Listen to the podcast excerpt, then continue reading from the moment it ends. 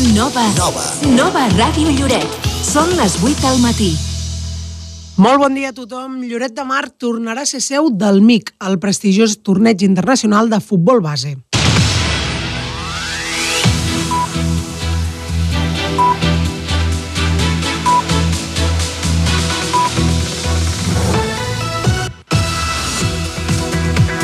El MIC de futbol celebrarà la seva 22a edició i ho farà amb rècord de participants. El prestigiós torneig internacional de futbol base amb seu a Lloret de Mar superarà per primera vegada la barrera dels 400 equips i comptarà amb la presència de 8.000 jugadors.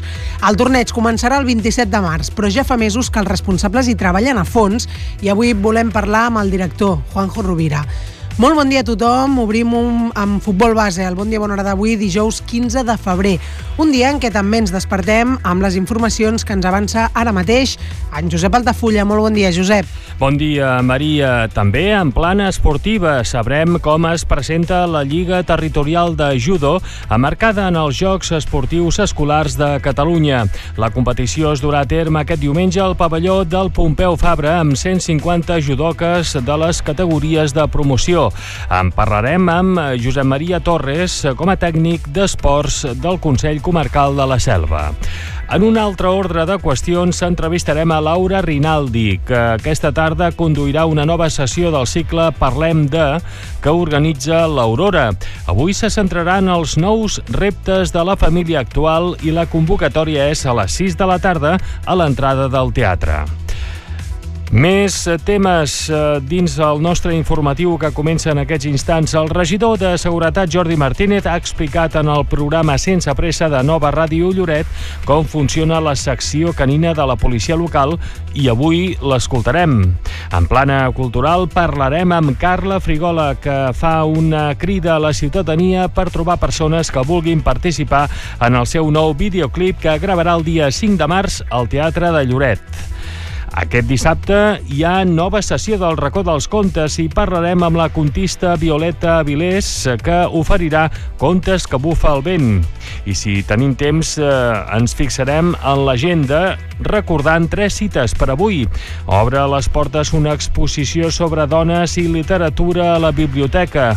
Els Amics del Cinema projecten Esperando a Dalí i el Casal de l'Obrera acull la primera xerrada del cicle de conferències que oferirà en Xavier Albertí, avui dedicada a Josep de Togores. Doncs tot això és el que us volem explicar durant la propera hora informativa aquí a la ràdio de Lloret, on també tindrem espai per la, pel repàs de l'actualitat general i la previsió meteorològica.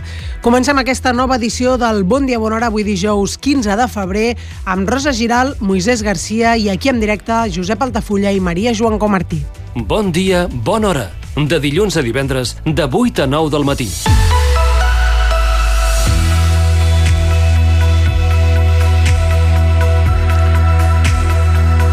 8 i 3 i en Xavi Segura, que ja està a punt amb tots els detalls de la previsió meteorològica. Xavi, què ens expliques avui? Bon dia. Bon dia. El temps seguirà molt tranquil aquest dijous aquí a Lloret de Mar, amb un cel, això sí, més enterbolit per la presència de bandes de núvols que aniran creuant el cel doncs, durant tot el dia, però de precipitacions no se n'esperen. Per tant, una jornada totalment aprofitable i, de fet, aquesta nuvolositat ha provocat que aquesta nit les temperatures mínimes hagin pujat i, per tant, encara fa menys fred ara a primeres hores i al migdia repetirem sense canvis aquest ambient suau i primaveral per l'època amb una màxima que voltarà més o menys als 18 graus puntualment de nou fregant els 20. Per tant, una jornada aprofitable a l'espera que demà divendres tinguem un canvi de temps, un petit canvi marcat sobretot per més intervals de núvols, més nuvolositat, una baixada de les temperatures, sobretot de les màximes, que quedaran entre 2 i 3 graus per sota de les d'avui, i no es descartaria algun ruixat o alguna botellada, sobretot durant el migdia, a primeres hores de la tarda, però en general poca cosa. A l'espera, doncs, que de cara al cap de setmana aquest temps torni a estar molt tranquil i recuperem més el sol que no pas els núvols. Moltes gràcies, Xavi. Si fem un cop d'ull ara al termòmetre, ens indica que tenim 14 graus aquí a Lloret i la humitat se situa al 83%.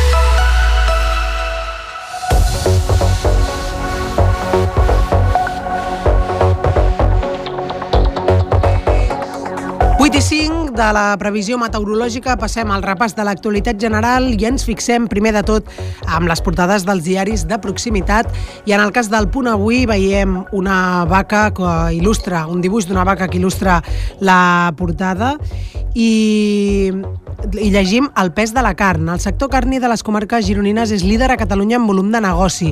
Afronta les noves tendències a l'alimentació i els reptes ambientals i laborals amb recerca i innovació. D'altra banda, també es fa ressò el punt que els pagesos aixequen els talls a l'AP7 i la Nacional 2. Adverteixen a les administracions, però, que si no compleixen els acords tornaran al carrer. El sobrecost de la potabilitzadora de Montfullà enfronta l'ACA, que és l'Agència Catalana de l'Aigua, i l'Ajuntament, i també hi ha una entrevista a Roberto Iñiguez com a entrenador de l'Espart Girona de bàsquet, que diu que a Girona la gent és molt fidel a l'Uni i si estàs amb ells aniran a mort amb tu. Passem ara al diari de Girona, on també els pagesos apareixen en portada perquè reobren l'AP7 i la Nacional 2 després de 30 hores i pacten un pla especial de sequera amb el govern, que indemnitzarà els que han tingut pèrdues per restriccions. Tot i així, el titular principal és que fracassa la negociació d'una moció de censura a Santa Coloma de Farners. CUP i Esquerra acusen independents de la selva d'imposar Pep Prat com a alcalde i aquest el retreu no haver estat clars. La imatge de la portada és per la sequera, que fa avançar la campanya d'incendis. L'ampliació de la desalinitzadora de Blanes, diu també aquest diari, avui no podria funcionar per falta de potència elèctrica. Més coses en aquesta primera pàgina. Hi ha també uh, una entrevista al bagurenc Miquel Martín, que torna a les llibreries amb, el, amb la novel·la Guanyaràs una marllisa i diu que les llegendes uneixen generacions. I en plana esportiva, el Girona amplia i millora contracte de Gazaniga fins al 2027. El club valora el bon paper de l'argentí que havia signat fins al 2025, al mes de juny passat, i Aleix Garcia, eh, ahir el migcampista, juntament amb David López, eh, van compartir una estona amb socis en un acte de CaixaBank i el diari de Girona recull una de les coses que va dir, eh, que és que quan li van preguntar pel Barça, va dir al Barça, em sembla que ni tenen el meu número de telèfon. Més titulars eh, de la jornada. Els diaris de caire generalista ofereixen les següents informacions eh, de forma destacada en la seva primera plana. L'ABC avui obre dient que el caos i la falta del personal promig s'emporta per davant el responsable del fons europeus i també es fa ressò d'unes declaracions de Margalida Proens, eh, la presidenta de les Illes Balears, que diu que canviar indults i amnistia per vots és corrupció. La Razón, en primera plana, Moncloa cedeix davant Junts i confirma l'amnistia total. I també en fotografia il·lustrativa, Felip VI defensa que la independència judicial és sagrada. El Mundo, en primera plana, el Partit Popular es llença a treure a Pontón la careta en 48 hores decisives. A l'avantguàrdia, la Fiscalia creu, eh, crea, volem dir, una causa única per investigar l'operació Catalunya. PSOE i Junts es reuneixen a Barcelona sense èxit per reconduir l'amnistia i en fotografia il·lustrativa el rei demana respecte a la independència judicial. A El Periódico de Catalunya hi trobem aquestes informacions en primera plana, unes declaracions de Lluís Planes, ministre d'Agricultura, Pesca i Alimentació. Diu que a Europa no sempre s'ha escoltat els agricultors. En fotografia il·lustrativa, el rei empara els jutges i les BTC de Barcelona van realitzar el 2023 un servei per cada 8 del taxi. Són, doncs, aquestes les informacions dels diaris generalistes. Doncs això és el que diuen els diaris i més coses que volem destacar en l'actualitat general que trobem per xarxes. Per exemple, el pacte per evitar el judici de 26 dels 28 ultres per les agressions en la manifestació del 9 d'octubre del 2017 a València. Han firmat un acord de conformitat amb la Fiscalia en el qual reconeixen delictes contra l'exercici dels drets fonamentals, agressions i lesions i accepten penes d'entre un any i cinc mesos i dos anys de presó. Les acusacions ho consideren un un acord històric contra el feixisme. Per la seva banda, PP i Vox imposen el castellà als escrits del Parlament Balear per primer cop en 30 anys. Segons l'oposició, la iniciativa aprovada a petició de l'extrema dreta ha creat un conflicte on no hi havia.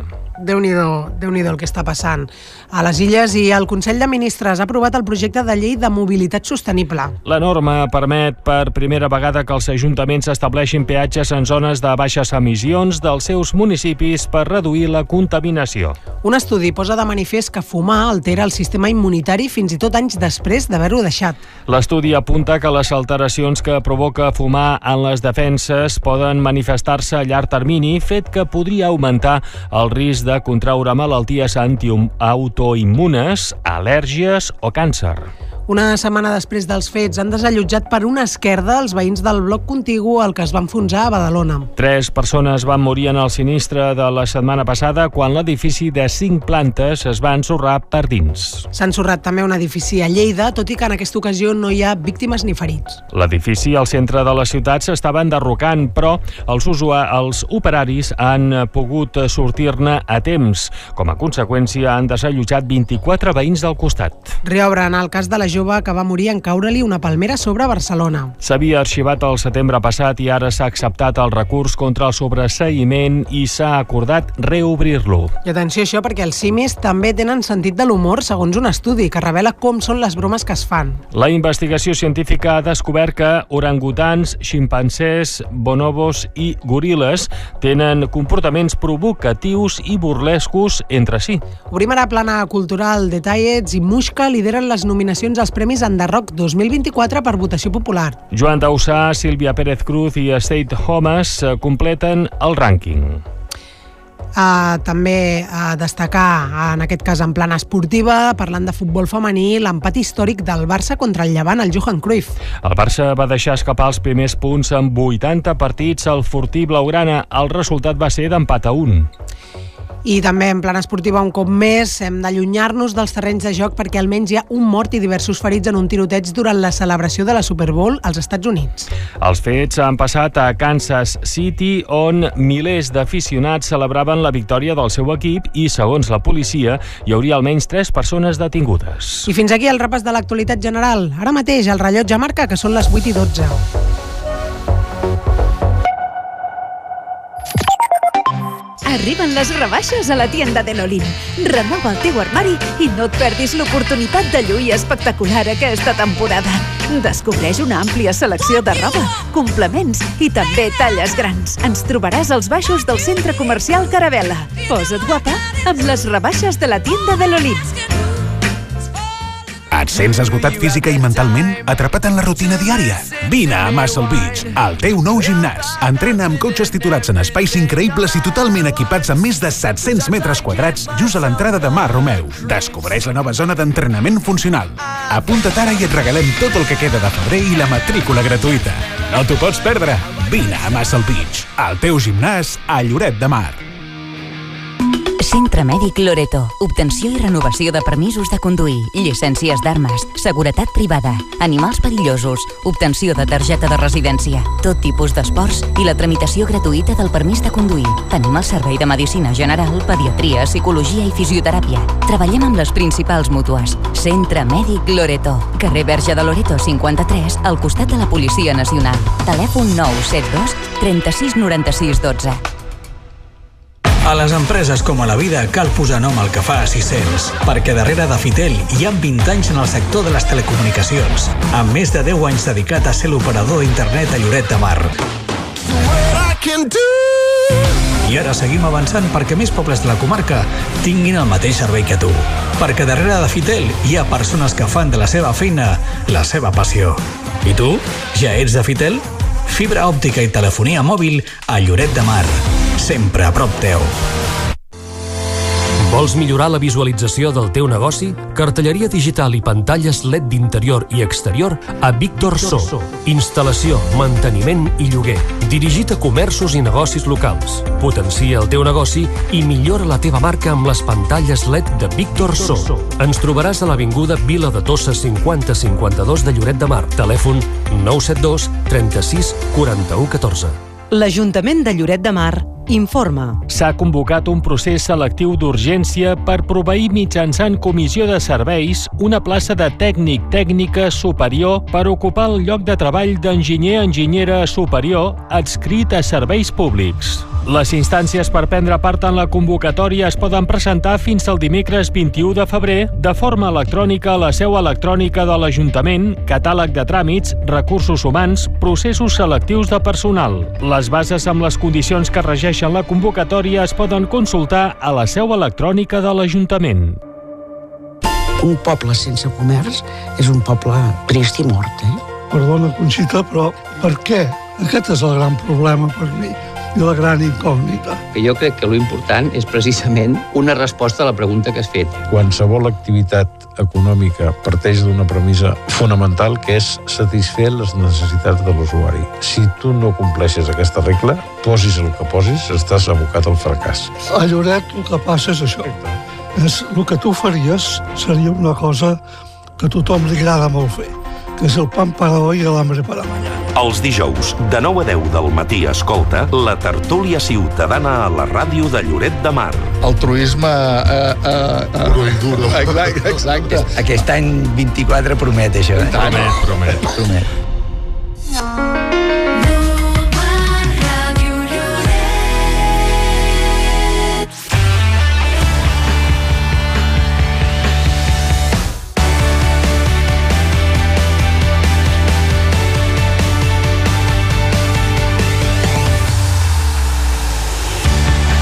Passa un minut quart de nou del matí. Som al Bon Dia, Bona Hora de la ràdio de Lloret de Mar. Bon dia si us acabeu d'enganxar el programa. Hem fet una breu pausa i avui toca començar en plana esportiva per parlar del MIC de futbol, que celebrarà la seva 22a edició amb rècord de participants. El prestigiós torneig internacional de futbol base, amb seu a Lloret de Mar, superarà per primera vegada la barrera dels 400 equips i comptarà amb la presència de 8.000 jugadors. Serà la 22a edició d'un torneig que arrencarà el pròxim 27 de març. De nou, presentarà un cartell amb clubs de referència mundial com el Barça, el Real Madrid, el Manchester City, el PSG o el Milà. Hi haurà representació de gairebé una quarantena de països d'arreu del món.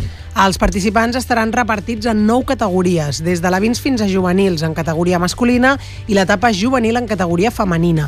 Això vol dir des dels 12 fins als 19 anys. Lloret de Mar tornarà a ser un dels seus principals eh, eh, seus eh, principals tant de joc com d'allotjament i el camp municipal d'esports acollirà la categoria juvenil. Tot això, el MIC es troba present arreu de les comarques gironines.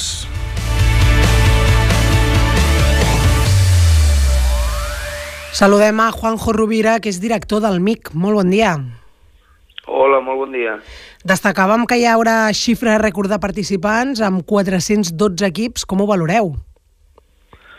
Bueno, la veritat és que molt bé i molt contents, no? Perquè vam tindre, com molts negocis, no? O com moltes persones, el 2020 van tindre un sotrac molt important. Eh, penseu que nosaltres eh, som 17 persones que durant molts de mesos treballem per a que el torneig pugui tirar endavant.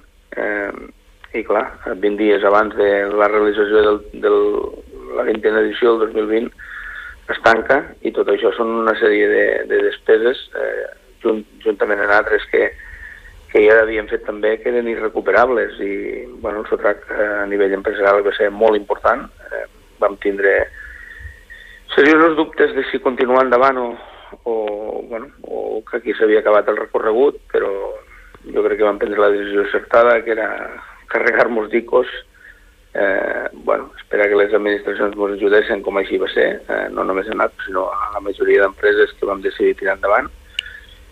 I, bueno, teníem clar que, que això era una cosa que quan eh, la vida es normalitzaria, pues, també es normalitzaria, i bueno, ja, ja l'edició del 2022 pues ja vam poder fer una edició reduïda però ja vam poder, el 2023 eh, ja vam d'alguna manera tornar a números quasi bé prepandèmia però el d'enguany ha sigut la locura eh, ha sigut la locura en, en, en, bueno, en l'augment de participants i els, els timings que s'han que s'han utilitzat, no? perquè bueno, nosaltres sempre, els equips de casa, esperàvem a primers d'octubre a passar-nos la informació en i en quant Eh, pensem que a principis de temporada els directors de, de futbol base, coordinadors, estan eh, liats amb, eh, en posar en pràctica, en posar en marxa els seus clubs a la competició ordinària de la Federació Catalana i vam haver d'accelerar-ho tot perquè la, la, les peticions que ens venien des de fora eren moltíssimes i això pues, ha vingut al final en un resultat, com va heu dit abans, de 412 equips de, de, bueno, de, de, més de, 50, de, de més de 40 països del món i, i dels cinc continents. No? I per tant, bueno, molt contents de que, com sempre diem, molt contents d'aquest volum de participants que tindrem i bueno, amb, amb carregats també de responsabilitat perquè com sempre diem no podem fallar i, i a tota aquesta gent que ens ha fet confiança pues hem, de, hem de donar un resultat òptim i hem de tornar a aconseguir fer el millor amic de la història. Clar, eh, aquesta feina ben feta fa que creixi la participació, però també que el cartell sempre sigui de luxe. Bueno, és, és la, la filosofia que, que, que ha tingut eh, i, i, i en què va néixer el, el MIC, no? Eh, el MIC penseu que va néixer de la, de, d'una idea de tres persones, eh, una persona de Figueres que era Pere Gratacós, en Josep Colomer de Vic i jo mateix de Tortosa, i nosaltres la filosofia que teníem era donar l'oportunitat als nostres jugadors que, que eren de, de, de, de ciutats o de pobles que no tenien l'oportunitat de viure probablement una, un esdeveniment i una experiència com a, com a professionals, eh, no, no estan a una, a una pedrera d'un club professional i aquesta ha sigut la filosofia que s'ha mantingut i que s'ha de mantenir i, i a més amb uns estàndards de qualitat que, que la gent quan, quan, quan acaba el torneig diga més que jo no he vingut aquí només, no, només he jugat un torneig de, de futbol base, que sí, no? sinó que l'experiència eh, que he viscut ha sigut importantíssima. I clar, si tot això, a més, ho fas en un territori com comarques de Girona, com la Costa Garava o com Lloret de Mar, que és el nostre epicentre de, de l'organització des de, des de l'any 2002, pues, eh, això, tot això t'ho posa més fàcil. I per tant, bueno, sempre diem el mateix. Eh, ja per filosofia a mi no m'agrada mai parlar en primera persona, sempre, sempre en primera del plural, i crec que el que hem aconseguit també ha sigut entre tots ser un gran equip, eh, no només els que venim d'arreu de Catalunya o treballem a l'oficina central a Sant Cugat del Vallès, sinó a tots els pobles, tots els municipis, tot, bueno, tothom, tothom ha, com diem futbolísticament, a nosaltres ens agrada dir, no? Hi ha molta gent que bufa per que la pilota toca el pal i ve aquí dins i això sigui un èxit i que la gent marxa contenta i vulgui tornar. I així ens ho diuen també les enquestes, ens ho diu, ens ho diu el dia a dia, perquè ara pues una de les coses que ens trobem amb molta satisfacció és que hi ha, hi ha trucades que et diuen no, és que jo vaig jugar al MIC l'any 2003, l'any 2004, i ara sóc entrenador i vull que els meus jugadors visquen l'experiència que vaig viure en aquell moment com a jugador. I això pues, són coses que, que t'omplen de, de molta satisfacció. Mm. I, Juanjo, quantes persones esteu a, a darrere de l'organització? Bueno, nosaltres al dia a dia t'he dit que som 17 persones. 17, no? val. Més, més, més, altres, més altres persones d'empreses externes i després, bueno, doncs quan fem la, la, que el que és el MIC directament controlades per nosaltres, som, som al voltant de 400 persones, però aquí cal afegir doncs, després la, la, la gent dels autobusos, la, la, les, les persones que treballen pels ajuntaments i que també estan implicades directament, la gent dels hotels, els mitjans de comunicació, bueno, el que et dic, i és el que ens agrada destacar i crec que és l'èxit, és eh, que hi ha molta gent que, que treballa en un mateix objectiu i en una mateixa il·lusió. I això fa pues, que després eh, pues, l'èxit estigui més, més, més fàcil. I a més a més el públic que també gaudeix d'espectacle, no, no és un torneig base per anar simplement que els jugadors s'ho passin bé, sinó que el públic també eh, veu partits de, de molta qualitat. Sí, aquesta ha sigut una altra de les coses que han crescut molt els últims anys, no? que la gent ja s'ha acostumbrat.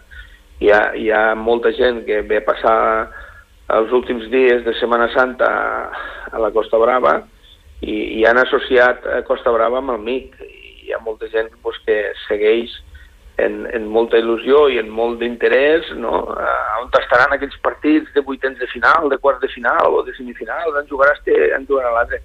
I ens hem trobat en algunes instal·lacions al camp municipal de Lloret, eh, per exemple, l'any 2019, que vam tenir també la prova de més del bar, bueno, vam haver tancaportes. L'Ajuntament amb la policia i l'Ajuntament vam haver tancaportes i vam dir que no pot entrar ningú més, perquè és que no, no, és que no hi ha més capacitat, no? I, i això a la inauguració i a les finals pues, també, també ens passa. Per tant, eh, l'afluència de gent als camps és, és moltíssima i, i és, un, i és un esdeveniment que la gent que li agrada l'esport, que té gent a lo millor jove a casa, futbolera o, o simplement famílies que, bueno, pues, pues diuen, bueno, va, pues anem a, on anem avui? Va, mirem el, el, a la PP, on, on diem pocs partits? A Fornells? Anem a Fornells, a Vidrés? Anem a Vidrés, a Lloret? Anem a Lloret. I clar, això fa que, que, bueno, pues que també sigui un volum econòmic per a aquestes poblacions important. Doncs eh, esperem que aquesta edició, que no en tenim cap dubte, vagi també com sempre i el mix segueixi creixent i això sí, que es mantingui Lloret com a epicentre del torneig. Juanjo Rovira, moltíssimes gràcies per atendre'ns i que vagi molt bé. Molt bé, moltes gràcies a vosaltres com sempre també i que com he dit abans formeu part d'aquest equip i ens ajudeu també a, a aquest dia, no? A, a, a, que, a que buféssim i toquen la pilota al pal de dins i que tot vegi bé. Moltíssimes gràcies.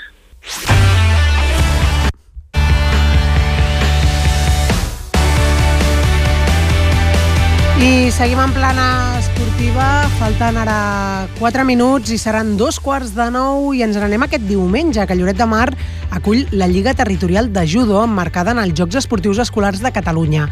Es tracta d'una competició amb esperit educatiu per edats d'iniciació i participaran 150 judoques de les categories de promoció. La cita és aquest diumenge a partir de les 9 del matí al pavelló Pompeu Fabra i la previsió és que s'allargui fins més o menys a la una del migdia.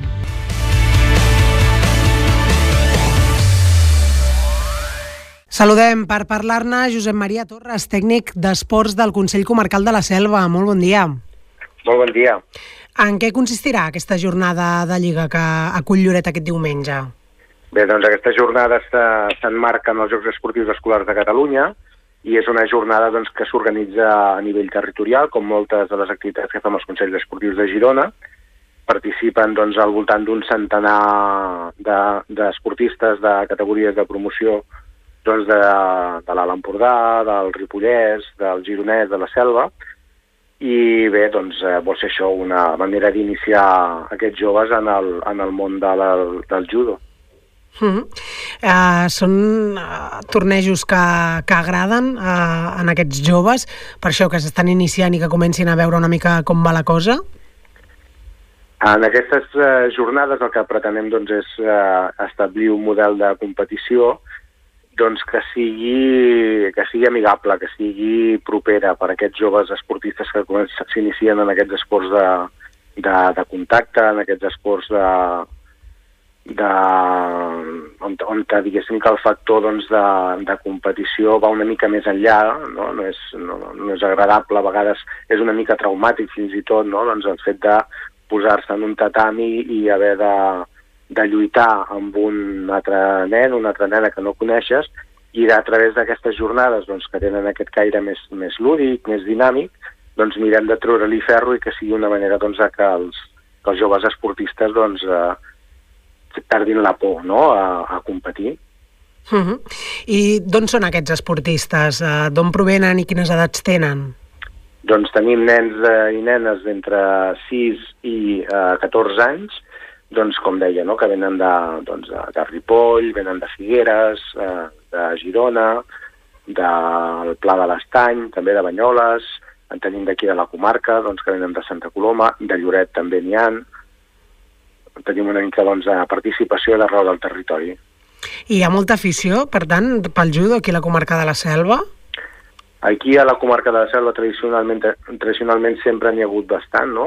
Aquí a Lloret doncs, eh, hi ha el, el, el GEC, eh, que és l'antic judo Lloret, eh, el, el Nova Unió, també eh, i a Blanes tenim judo, a Santa Coloma, Arbúcies... Mm, a la comarca de la Selva històricament sempre hi ha hagut bastant de no? Sobretot, a més a més, doncs, a la Selva Marítima. Però bé, eh, treballem doncs, perquè aquesta tradició no es perdi i, i per això el, el motiu no, també d'organitzar aquestes jornades i que aquests eh, judoques tinguin una competició sense haver de, d'anar a Barcelona a competir, que en tinguin a Girona i en tinguin sovint i de properes. I la competició en si, quin format tindrà? Doncs aquestes competicions, perquè per justament amb, per complir amb aquest objectiu de, de que siguin dinàmiques, de que siguin de que siguin interessants per als, per als judoques més joves, doncs tenen una, un format on mirem doncs, d'assegurar el màxim de participació en l'estona que estan, doncs que no facin un combat o dos i quan perden eh, hagin, de, hagin de sortir, sinó que eh, dins d'unes lligues que se'ls munten doncs, com a mínim de quatre, doncs facin com tres combats, ho facin d'una manera eh, que tota l'estona que estan en el pavelló, que és al voltant d'una hora i mitja, estiguin fent activitat, bé sigui amb l'escalfament, bé sigui a través de muntar alguna activitat paral·lela doncs, de format més lúdic, tota l'estona estiguin doncs, entretinguts. Doncs esperem que s'ho passin molt bé amb tota aquesta jornada prevista per aquest diumenge al matí al pavelló del Pompeu Fabra. I Josep Maria Torres, com a tècnic d'esports del Consell Comarcal de la Selva, moltes gràcies per atendre la nostra trucada. A vosaltres. L'Ajuntament de Lloret de Mar informa. Lloret de Mar es troba en situació d'emergència 1 per sequera. Hi ha restriccions d'aigua en els usos urbans que afecten en el volum màxim d'aigua per habitant i dia. Restriccions en la neteja de vehicles, de carrers i mobiliari urbà. En el rec esportiu, de zones verdes, jardins públics i jardins privats. Està prohibit l'ompliment de piscines públiques, privades, comunitàries i les fonts ornamentals, així com l'eliminació de pols en l'aire amb aigua. La situació actual de falta d'aigua és molt greu i s'han de prendre mesures per estalviar aigua potable de forma immediata. Teniu tota la informació detallada al web lloret.cat.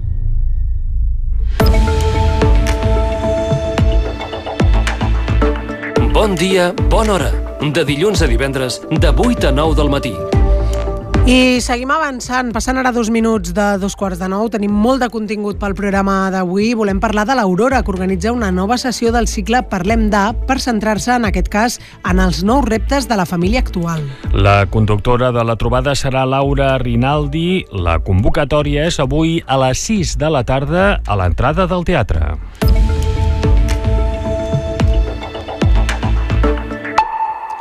Parlem amb Laura Rinaldi. Molt bon dia. Hola, bon dia.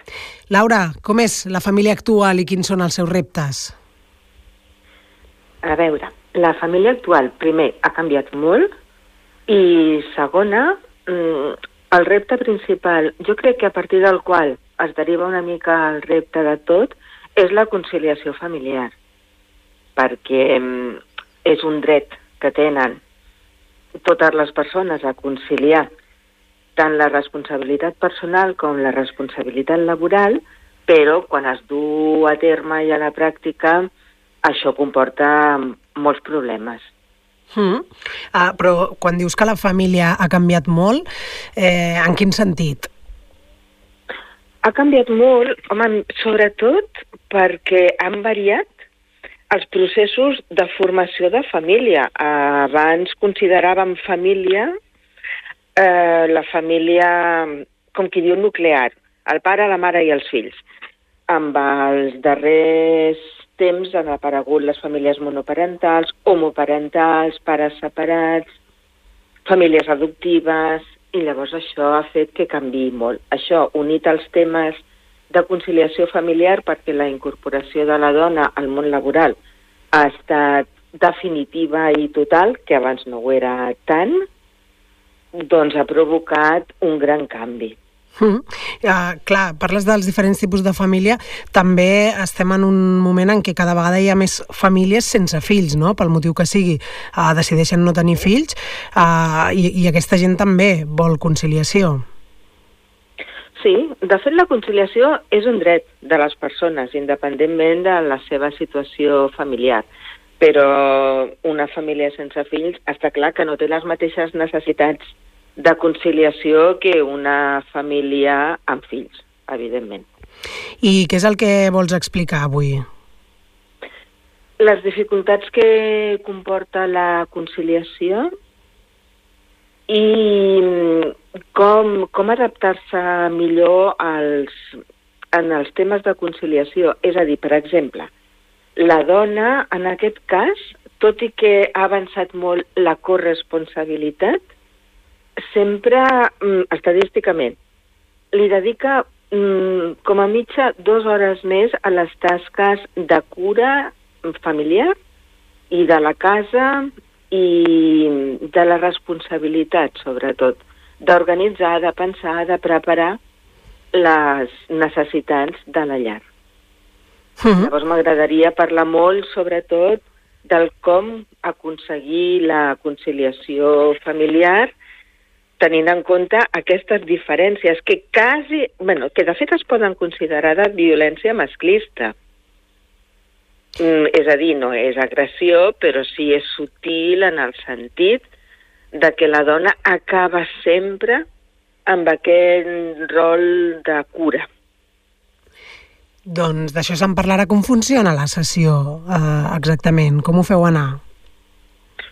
de manera molt, molt acollidora, és a dir, jo preparo alguns punts bàsics, com una mica el que he dit ara, i llavors intento que la gent participi i pugui exposar els seus dubtes o les seves idees. Doncs avui a les 6 de la tarda a l'entrada del Teatre Municipal aquesta sessió de Parlem de, en aquest cas per parlar dels nous reptes de la família actual, amb Laura Rinaldi i les dones de l'Aurora. Moltíssimes gràcies, Laura, i que vagi molt bé. Moltes gràcies. Estàs escoltant l'informatiu matinal Bon dia, bona hora. Ara mateix passen 7 minuts de dos quarts de nou.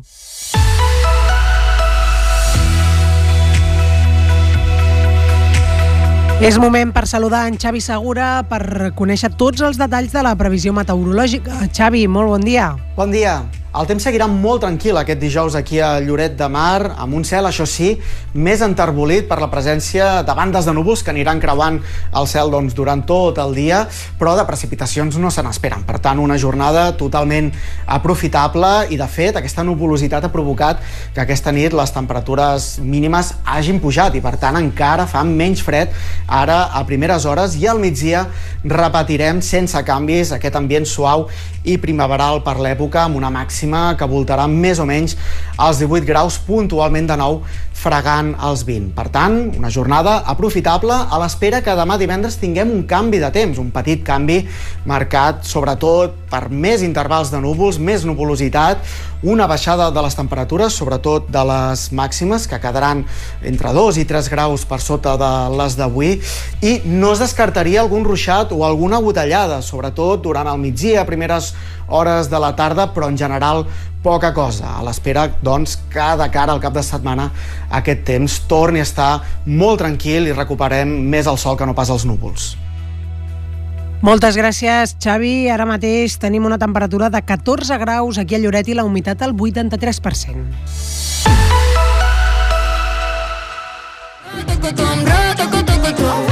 Como diabla yo le beso igual Le tengo bailando un ritual Y si quiere de mí yo le doy Rocotom, rotocotom, rotocotocotom Estem escoltant Tocotom, un dels èxits de la lloretenca Carla Frigo, que prepara un nou videoclip. En aquest cas, la cançó encara no s'ha publicat, però l'artista fa una crida per trobar persones que vulguin participar en el rodatge, que es farà dimarts 5 de març al matí al Teatre de Lloret. Soñaba con ser primero el Carla Frigo, molt bon dia. Molt bon dia. Com estàs? Com va tot? Molt bé, la veritat. Molt bé, molt contenta de poder fer aquesta crida mitjançant Ràdio Lloret, ja que soc molt fidel a la ràdio. Nosaltres eh, t'agraïm moltíssim que ens atenguis avui a aquesta hora del matí per poder explicar aquest, aquest projecte que tens entre mans. Eh, Parla'ns una mica de, del que ens puguis explicar, no? de com serà aquest videoclip, què, què hauran de fer les persones que, que hi participin. Ens pots avançar alguna cosa? Sí, mira, com, com bé has dit, seria el 5 de març pel matí, seria de, de 9 del matí fins a les dues. Encara que segui, semblin moltes hores, en un rodatge sempre és millor tirar a llarg perquè sempre hi ha eh, petits problemes, però mm, bàsicament és un paper molt fàcil. Molta gent m'ha dit, mira, em faria molta il·lusió, però em fa una mica de cosa, i no us preocupeu perquè és un paper molt fàcil, no necessites experiència, busco gent de totes les edats, des del més petit fins al més gran, i realment no puc desvetllar molt del videoclip, però seria per una de les escenes principals i hauríem de fer com una mica de, de públic, per així dir-ho. És com una simulació de públic, per tant, eh, és algo molt fàcil. També, com que compto amb un equip de producció de 30 persones, eh, ballarem perquè la, les persones siguin el més còmode possible, o sigui, jo l'únic que vull és que s'ho passin bé i que es puguin sentir còmodes en, en qualsevol moment. déu nhi quantes persones que hi ha darrere d'un videoclip, eh? Sí, sí, sí, semblen poques, però entre el de llums, el de color i tot, sí, sí, mm. -hmm. n'hi ha unes quants. I de la cançó en si, ens pots eh, dir alguna coseta? Sí, i tant. Doncs mira, la cançó es diu Mírame i jo la vaig escriure aquesta cançó ja fa uns quants mesos. Llavors jo, com que paral·lelament al, a la música, jo sempre també m'he dedicat a les xarxes socials i jo volia com transmetre el fet de sempre sentir-te eh, com jutjada o observada mitjançant la plataforma. El que passa que amb el videoclip volia transpassar doncs, aquesta observació que jo sento amb les xarxes en qualsevol situació. És a dir, jo en el meu cas em passa això amb les xarxes, però potser a tu mateixa quan vas al, al supermercat doncs et sents observada perquè tal, o quan vas a un sopar amb amics et pots sentir observat, o que no que, que, o sigui, sentir-te observat en diferents situacions, no? Llavors, la cançó que es diu Mírame parla del fet de, de que et jutgin, de sentir-te observat, però d'una manera com retant, dient, mira'm, perquè tot i que tu m'estiguis jutjant, a mi em dóna igual, saps? És una mica com... Mhm. Aquest el sentit de la cançó. Doncs tenim ganes ja de, de poder-la sentir. Quan tens previst publicar-la, publicar el videoclip i la cançó? Doncs mira, a mi m'encantaria a finals de març, però tot també a vegades depèn de, Mm. del videoclip, quan s'editi i tal, però si tot va bé m'encantaria a finals de març. En tot cas, n'estarem ben pendents. I deies a l'inici de l'entrevista, Carla, que, que ets fidel a la ràdio. Uh, la veritat és que ets molt fidel també a Lloret de Mar en general, no? perquè no és pas el primer videoclip que, que rodes aquí. Sí, jo sempre ho dic, ja no sé on més exprimir Lloret, perquè realment, si entres a les meves xarxes socials, quasi totes les fotos estan fetes de Lloret i els videoclips també. Intento sempre, pues, on més còmode em sento és a Lloret de Mar, perquè òbviament és on he viscut tota la vida. Llavors, per això també volia fer una crida a gent de Lloret, ja que jo sé que hi ha molta gent que li agrada molt eh, l'art, que li agrada molt actuar, per tant, què millor que gent d'aquí mateixa per representar una escena en el nostre propi teatre. I tant que sí. també I Carla, nosaltres eh, ja fa temps que, que intentem anar seguint els teus passos. Eh, la sensació que tinc és que les coses t'estan anant molt bé, no? Tu com ho estàs vivint? Sí, a veure, òbviament és, és un procés difícil, no?, això de, del, del ser artista, però al final, si li fiques ganes, jo sempre sóc molt partidària de pensar que si, si manifestes i fiques totes les ganes amb, amb, el, amb el teu objectiu, les coses sempre han de sortir bé. Costin més o menys, sempre, sempre hi haurà coses positives. Doncs nosaltres et desitgem tots els èxits del món i estarem molt pendents d'aquest videoclip i, i també sobretot quan es publiqui. Carla Frigo, moltíssimes gràcies i que vagi molt bé. Una abraçada. A vosaltres, moltíssimes gràcies.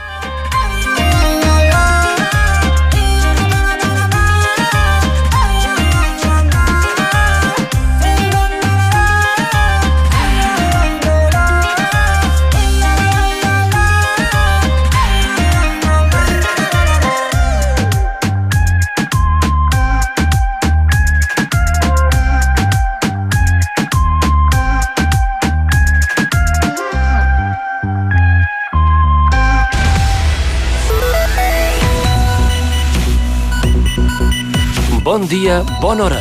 De dilluns a divendres, de 8 a 9 del matí. I seguim avançant, d'aquí un minut seran tres quarts de nou i volem centrar-nos ara en la unitat canina de la policia local de Lloret que compta amb cinc gossos en actiu. Són Lluna, Coila, Maya, Capone, Iron i ben aviat en Cooper, que s'incorporarà al servei. Aquesta unitat, tot un referent al territori, permet detectar consum i venda de substàncies estupefaents a banda de patrullar per la via pública. Funciona des de fa més de 10 anys i dona molts bons resultats, segons el regidor de Seguretat, Jordi Martínez, que ha fet declaracions al programa Sense Pressa. en algunes escoles doncs, que venen a fer visites i, i potser doncs, pels nens és la part més impactant, no? poder veure els gossos, poder veure com, doncs, com busquen uh, un tipus de substància, doncs, és potser la part més amable. També és una unitat que ens ajuda molt, ens ajuda a arribar sobretot amb escorcolls que fem uh, a nivell de, de via pública, tant a persones que caminen com uh, quan fem un control de, de trànsit doncs, per intentar escorcollar el vehicle i, i, i veure si realment hi ha algun tipus de substància. La, la unitat canina és segurament un dels aspectes més visibles de la policia local que espera augmentar el nombre d'agents fins als 110 entre aquest any i el 2025. Un increment de la plantilla que pretén donar estabilitat al cos i millorar la percepció de seguretat a Lloret. No és que no hi hagi seguretat, eh, és que potser la percepció és d'inseguretat. Llavors això és el que hem de fer canviar. Com? Doncs des de més presència policial al carrer, des de més controls al carrer, des de més actuacions específiques en diferents situacions que tenen lloc a la via pública, amb diferents establiments que no compleixen la normativa sectorial, etc etc etc. Mica en mica el que hem de fer és anar ampliant les nostres xarxes per tal de que la gent doncs, sàpiga doncs, que Lloret eh, hi ha unes, unes normatives i aquestes normatives s'han de fer complir. Si fem complir aquestes normatives a Lloret, estic segur que la gent tindrà o canviarà la, la percepció que té de, de seguretat a Lloret. Jordi Martínez afegeix que un altre objectiu d'aquest mandat és que la policia local de Lloret torni a ser un referent a Catalunya. Una de les vies és com a seu formativa. Tenim alguns comanaments de, del cos doncs, que, que són formadors de l'Escola de, de Policies de Catalunya. És a dir, tenim un nivell de, de preparació molt i molt elevat i, i el que hem de fer realment és, doncs, entre tots, poder participar d'aquesta formació i fer coneixedors a l'altra gent doncs, que realment doncs, aquesta policia té un nivell molt elevat i, i l'hem de portar als màxims. Hem d'aspirar eh, a tot allò que vulguem. Realment, la formació la tenim, els mitjans la tenim, Són declaracions de Jordi Martínez, regidor de Seguretat, recollides al programa Sense Pressa de Nova Ràdio Lloret.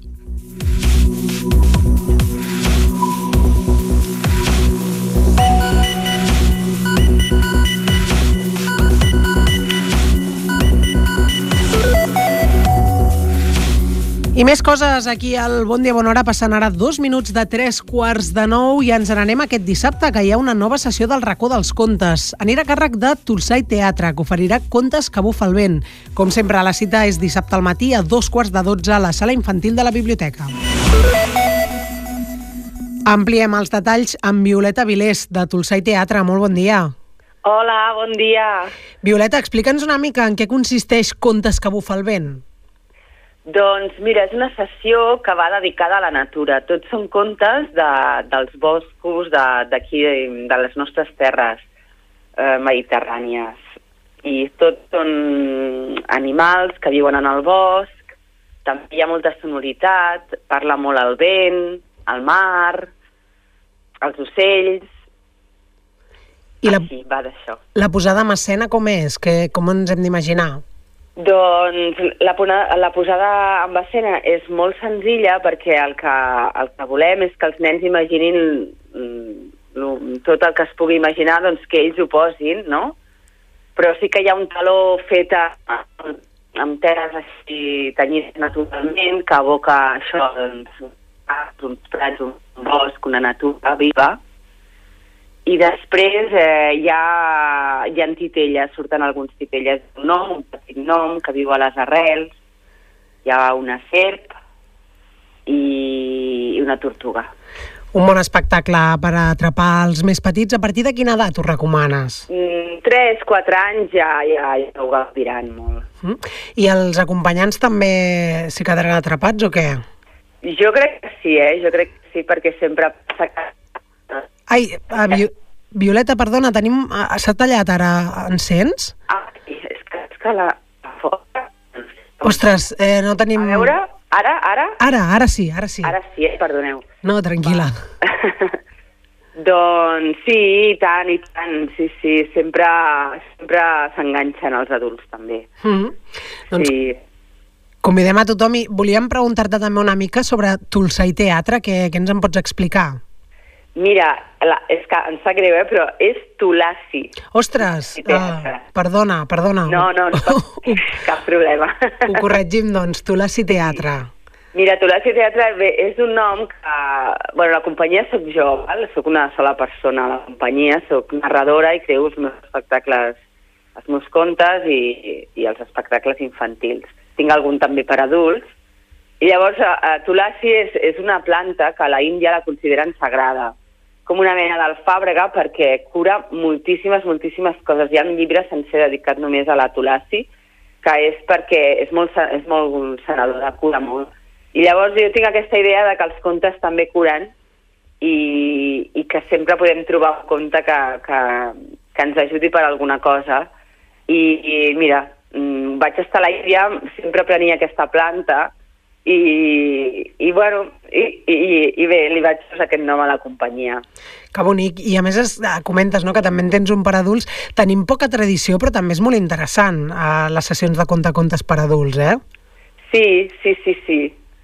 Sí, eh, eh, és que els adults... A veure, abans hi havia tele fa, fa relativament poc temps i la gent s'explicava contes a la nit Mhm. i, i s'ho explicava a tothom. Mm. I, o sigui, els, els contes tenim aquesta idea de que són pels nens, però no, no, no, no té per què. I a tu què és el que t'agrada de- de- d'explicar-los, no? De fer de conte contes. Ai, a mi m'encanta, sí. No sé, eh, vaig començar així sense, sense saber que m'hi volia dedicar. Va ser com una petició que em van fer una vegada, si ho volia fer, en un lloc que feia coses de clown. I, i, i m'agrada m'agrada tot, m'agrada molt buscar-los, llegir-los, a- trobar-los, perquè no tots serveixen per explicar, no, no tots els contes mm, home, sí que serveixen, però no tots dius, ai, però quan trobes un que dius aquest, aquest, aquest sí que el vull explicar, no? O també escriure'ls, no?, el tenir-los al cap i, alguna, i també n'he escrit alguns. I llavors després pensar com els posaràs eh, en escena, com...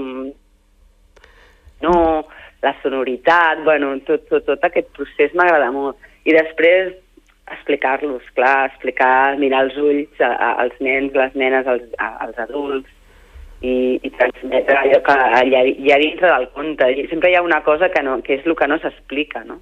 Mm. I llavors això és molt maco, pensar a veure com els hi deu haver arribat això. Doncs esperem que els hi arribi molt i molt bé aquest dissabte al matí aquí al racó dels contes de Lloret, contes que bufa el vent amb la companyia Tulasi Teatre. Ara Sí, ho, correcte. ho corregim. I Violeta, moltíssimes gràcies per donar-nos aquests detalls, fer-nos aquesta pinzellada. Esperem que vagi molt bé la visita a Lloret. Sí, esperem que sí, que vingui molt, molts nens i moltes nenes i molts adults a, a disfrutar de contes que bufa el vent. Doncs que vagi molt bé. Una abraçada. Moltes gràcies, una abraçada, adeu-siau. Bon dia, bona hora. De dilluns a divendres, de 8 a 9 del matí. Seguim avançant aquí al Bon Dia, Bona Hora, 8 minuts i seran les 9 i seguim fixant-nos en l'agenda perquè avui obre les portes a la biblioteca una exposició titulada Una literatura pròpia.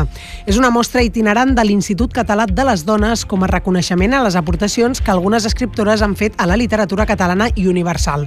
Ens en parla Lídia Bartolomé, responsable de la biblioteca. És una mostra formada per 14 plafons que parla d'escriptores catalanes. Cadascun d'ells està dedicat a, a una escriptora important pel que fa a les seves aportacions a la literatura catalana i algunes fins i tot a la, a la literatura universal. Són escriptores, mm, per exemple, les més properes serien Mercè Rodoreda, Montserrat Roig, Maria Aurelia Campmany, d'altres, eh, algunes del segle XV, per exemple, com Isabel de, de Villena i sense oblidar figures superimportants com Víctor Català o Aurora Bertrana. La mostra coincidirà amb la commemoració del 8M, el 8 de març, que és el Dia Internacional de les Dones, però a més serveix per recordar a la ciutadania tota l'obra d'aquestes escriptores que està disponible a la biblioteca. perquè a banda de que s'acosta el Dia Internacional de les Dones i ens serveix per commemorar-lo, també és una excusa perfecta per a destacar i, i posar a l'abast de tothom les obres que tenim disponibles a la biblioteca d'aquestes autores. I també perquè són dones que, a més a més d'haver sigut rellevants en l'àmbit de la literatura, ho han sigut en molts altres àmbits, com el feminisme, l'activisme polític, la cultura en, en general, és molt important per això. I també perquè eh, aquestes dones són la base de, de totes les autores actuals que d'alguna manera han begut de, de les escriptores clàssiques. L'exposició, titulada Una literatura pròpia, es pot visitar a partir d'avui durant el proper mes a la Biblioteca Municipal. I aquest vespre hi ha sessió dels Amics del Cinema al teatre. Projectaran la pel·lícula Esperando a Dalí, dirigida per David Pujol. L'argument és el següent. El 1974, un jove cuiner, en Fernando, i el seu revolucionari germà, l'Alberto, fugen de Barcelona i arriben a la Costa Brava, on el menjar d'en Fernando revoluciona el món de la gastronomia gràcies a la inspiradora cadaqués dels anys 70. Alhora, Jules, l'excèntric amo del restaurant on treballen, veu l'oportunitat de complir el seu somni, que Salvador Dalí vingui a menjar al seu restaurant. El president dels Amics del Cinema, Isidor Llorca, assenyala que és una pel·lícula molt divertida. És una història doncs, dels anys, diríem, 60, 70, que encara hi havia la bueno, finals de la dictadura, a la Guàrdia Civil, tot, i això diu que és, bueno, és una història inspirada en el bulli, que és, és irreal, però que, bueno, aquell home el que volia aconseguir candelines, bueno, passen tota una sèrie de coses tan divertides. La projecció és avui a dos quarts de nou del vespre al Teatre de Lloret. I també avui comença el cicle de xerrades a càrrec de Xavier Albertí, que es duen a terme al casal de l'Obrera. La petició l'ha fet el mateix Albertí, perquè és on va començar fa anys en el món del teatre. Ho explica Josep Maria Lloberes, president del casal. Nosaltres eh, deixem a l'espai nostre, ens ho va comentar la Amaranta, que ens, eh, ens va dir que en Xavier Albertí estaria interessat a fer un nou casal aquestes conferències, que era el lloc apropiat, i en seguida li van dir que sí. Més, tots sabeu que en Xavier Albertí també va començar al començament amb el teatre i les, amb el tema artístic eh, en el casal, i llavors per això també li feia gràcia, i quan són formats petits d'aquests eh, col·loquis que farà, doncs per això vam dir directament que sí, que volíem col·laborar-hi. La primera conferència prevista per avui de moment compta amb una setantena d'invitacions reservades. La xerrada se centra en el pintor Josep Tugores, un dels pintors més destacats de la primera meitat del segle XX, que venia a Lloret com estiuejant als anys 40 del segle passat i que és l'ànima d'unes tertulies que es feien a la casa egípcia. El ponent de la xerrada destaca la projecció que va tenir Tugores com a artista una de les figures claus, eh, segurament després de Picasso, l'artista català amb més projecció que va tenir a principis del segle XX, un home que va estiuejar i va tenir unes relacions profundes amb Lloret. La conferència de Xavier Albertí sobre Josep de Togores comença a les 7 de la tarda al Casal de l'Obrera. La resta de xerrades, totes aquest mes de febrer, seran sobre l'escultor Ismael Smith, l'arquitecte i passatgista Nicolau Rubió i Tudorí. Estàs escoltant l'informatiu matinal Bon dia, bona hora. I acabem el Bon Dia Bona Hora amb un apunt esportiu perquè Javier García, del Club Natació Lloret, ha guanyat la medalla de bronze en el Campionat de Catalunya combinat a la vi. Amb 12 anys va ser el tercer millor a la prova de papallona, a la cita celebrada el cap de setmana passat a Sabadell. A més, l'entitat també va aconseguir, aconseguir diplomes de finalistes amb tres nedadors a la prova combinada de brasa. De braça. Van ser Màxim Tomalchev, que va ser sisè, Misha Gizenko, que va acabar vuitè, i Albert Soldavila, que també va ser el vuitè de la seva seva categoria. Hi van participar 15 esportistes del club. L'entrenador Joan Parra destaca la medalla de bronze i assenyala que, en general, les valoracions són molt positives. Vam tenir una participació de 15 eh, esportistes del club i vam tenir una, una destacada actuació la, la més important va ser la del nadó del 2012, el Javier García, que va aconseguir la medalla de bronzo a la, a la, la classificació de papallona. En general van, es van aconseguir moltes marques personals i van tenir una actuació molt, molt destacable en totes les proves que es nadaven. Eh, van guanyar bastantes sèries de, en les que van participar. A més a més, a la prova de relleus, el Club Natació Lloret va aconseguir la cinquena posició i com a classificació final l'entitat va ser el 17è millor club de Catalunya.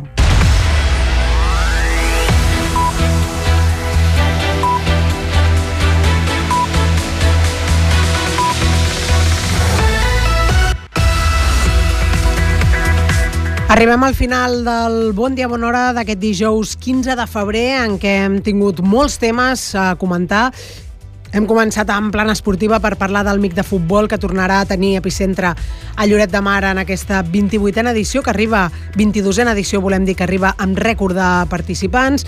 També hem parlat del campionat de Lliga o del torneig de Lliga que hi ha de judo aquest diumenge al pavelló Pompeu Fabra eh, d'àmbit eh, comarcal.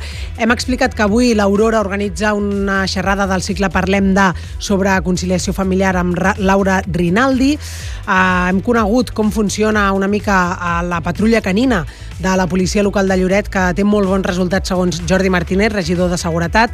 Hem parlat amb Carla Frigola, que fa una crida perquè tots els lloretencs que ho vulguin participin en el videoclip que rodarà aquí al municipi el dia 5 de març en el teatre, el 5 de març al matí, i ens ha fet una crida perquè tothom s'animi a col·laborar-hi. Amb Violeta Vilés hem parlat de la sessió del racó dels contes d'aquest dissabte al matí a la biblioteca i hem fet un repàs d'aquestes activitats que hi ha per avui, 2018 en l'exposició a la biblioteca, com la sessió dels Amics del Cinema i la xerrada de Xavier Albertí al Casal de l'Obrera.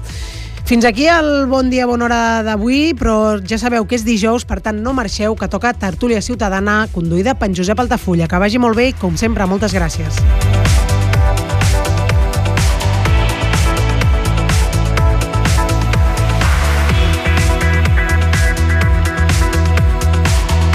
Bon dia, bona hora.